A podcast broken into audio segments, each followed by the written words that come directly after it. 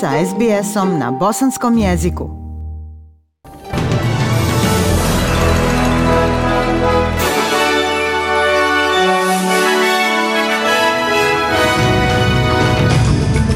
U današnjim vijestima poslušajte. Lideri 20 najvećih svjetskih ekonomija potvrdili sporazum o sprečavanju velikih kompanija da skrivaju profit. Australci odaju počast australskoj legendi show biznisa Bertu Njutnu, koji je umro u 83. godini i u sportu Lana Pudar osvojila bronzu na svjetskom kupu u Kazanu. Slušate vijesti SBS radija na bosanskom jeziku. Italijanski premijer Mario Draghi istakao je u subotu važnost multilateralizma kada je poželio dobrodošlicu svjetskim liderima u Rimu na prvom samitu G20 od pandemije covid -a. COVID-a. Pandemija nas je razdvojila kao i sve naše građane, a i ranije smo se suočavali sa protekcionizmom, unilateralizmom, nacionalizmom, ali što više idemo sa svim našim izazovima, to je jasnije da je multilateralizam najbolji odgovor na probleme sa kojima se danas suočavamo. Uvodnu riječ je iskoristio i da se povećaju napori da vakcine protiv koronavirusa dobiju i manje prosperitetne zemlje. The pandemic is not over. Pandemija nije gotova i postoje zapanjujući dispariteti u globalnoj distribuciji vakcina. U zemljama sa visokim dohodkom više od 70% stanovništva primilo je barem jednu dozu. U najsiromašnijim ovaj procenat pada na otprilike 3%. Ove razlike su moralno neprihvatljive i potkopavaju globalni oporavak. Raspravljalo se i o drugim pitanjima, uključujući odobravanje sporazuma o globalnom minimalnom porezu na dobit preduzeća od 15%. Šef organizacije za ekonomsku saradnju i razvoj i bivši australski ministar financija Matijas Korman kaže da to mijenja igru. 100 Sto najvećih, najuspješnijih multinacionalnih kompanija širom svijeta sada mora platiti svoj udio poreza na tržištima na kojima posluju, ostvaruju profit, a povrh toga smo se također dogovorili, a lideri su pristali da stup dvije te reforme bude uvođenje minimalne stope poreza na dobit preduzeća od 15%. Dakle, ovim se potpuno eliminiše podsticaj za preduzeća da restrukturiraju restrukturiraju svoje poslove kako bi eliminisali porez. U oktobru je preko 130 zemalja postiglo dogovor o minimalnom porezu na globalne korporacije, uključujući internet gigante poput Google, Amazona, Facebooka, Microsofta ili Applea, kako bi im otežali izbjegavanje oporezivanja osnivanjem ureda u jurisdikcijama s niskim porezom. Velikan australskog show biznisa Bert Newton preminuo je u 83. godini. Newtonova duga karijera koja je započela 1950-ih uključivala je radio, televiziju i pozorište.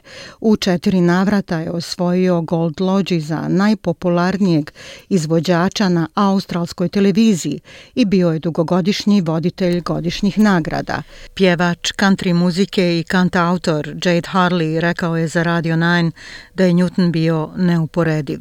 Nobody has in the in the Niko u oblasti zabave u Australiji nije toliko dao i mogao da izvede ono što je Bart Newton uradio. Poznajem ga više od 50 godina. On me intervjuisao, bio sam iznenađen njime, smijao sam se i plakao s njim. Novozelanđani će od sutra 1. novembra slobodno dolaziti u Viktoriju i Novi Južni Vels bez poduzimanja karantina. Ministar trgovine Dan Tian kaže da je to važan korak u otvaranju australskih granica. Radujemo se novinama u narednim danima i u vezi sa Singapurom. To smo aktivno razmatrali i od ponedjeljka, od sutra. Australci koji su dvostruko vakcinisani moći će slobodno slobodno putovati u inostranstvo. Ovo je divna vijest za Australce jer Australci vole putovati. Novi Južni Vels zabilježio je 177 novih lokalno stečenih slučajeva COVID-19 i jedan smrtni slučaj. Ovo je prvi put u skoro tri mjeseca da je broj slučajeva pao ispod dvije stotine. Ministar zdravlja Brad Hazard zahvalio je zajednici. That is fantastic news. Still a lot more to do, of course. Uh, we to su fantastične vijesti. Imamo još puno toga da uradimo, naravno. Znamo da će virus biti s nama još mnogo godina, što znači da svako od nas mora to shvatiti vrlo ozbiljno. Viktorija je zabilježila 1036 slučajeva covid na lokalnom nivou i 12 smrtnih slučajeva. Više od 700 pacijenata nalaze se u bolnici bolnici, od kojih su 128 na intenzivnoj njezi, a njih 80 na respiratorima. 80% stanovništva Viktorije potpuno je vakcinisano. Ljudima se savjetuje da se drže na distanci danas na noć vještica da kontakti ne bi doveli do noćne more COVID-19.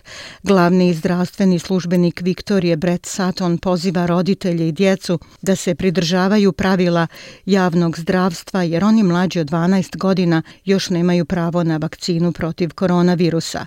Jeremy McAnulty iz zdravstva Novog Južnog Velsa također poziva ljude da ostanu bezbjedni.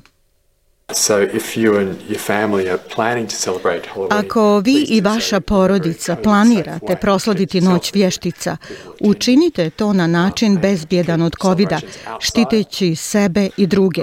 Držite proslave na polju, obezbijedite zatvorenu ambalažu za poslastice umjesto zajedničkih zdjelica za lizala i razmislite o načinima za distribuciju poslastica koji su sigurni, na primjer stavite ih uz prednju ogradu ili u dvorište.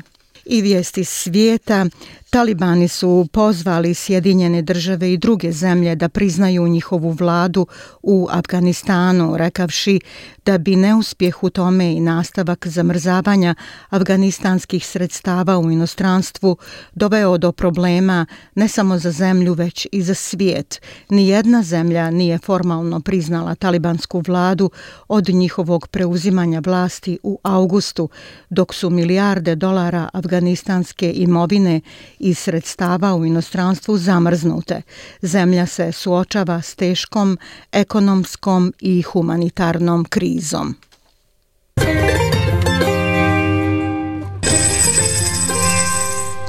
Prema kursnoj listi, australski dolar danas vrijedi 0,75 američkog dolara, 0,65 eura, 0,54 britanske funte i 1,27 bosanske konvertibilne marke.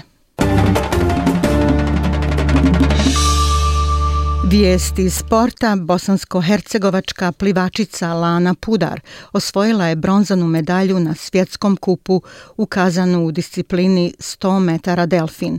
15-godišnja Mostarka u svom trećem finalu na ovom takmičenju uspjela je osvojiti medalju i tako ostvariti historijski uspjeh bosansko-hercegovačkog sporta. Zlatnu medalju u ovoj disciplini osvojila je Australka Emma McKeon. Yeah.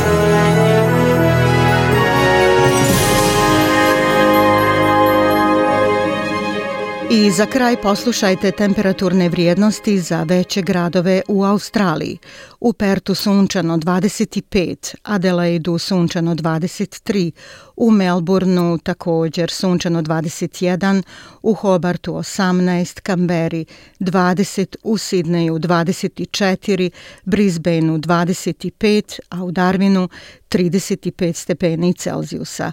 Bile su to vijesti SBS radija na bosanskom jeziku. Ja sam Aisha Hadži Ahmetović. Ostanite s nama.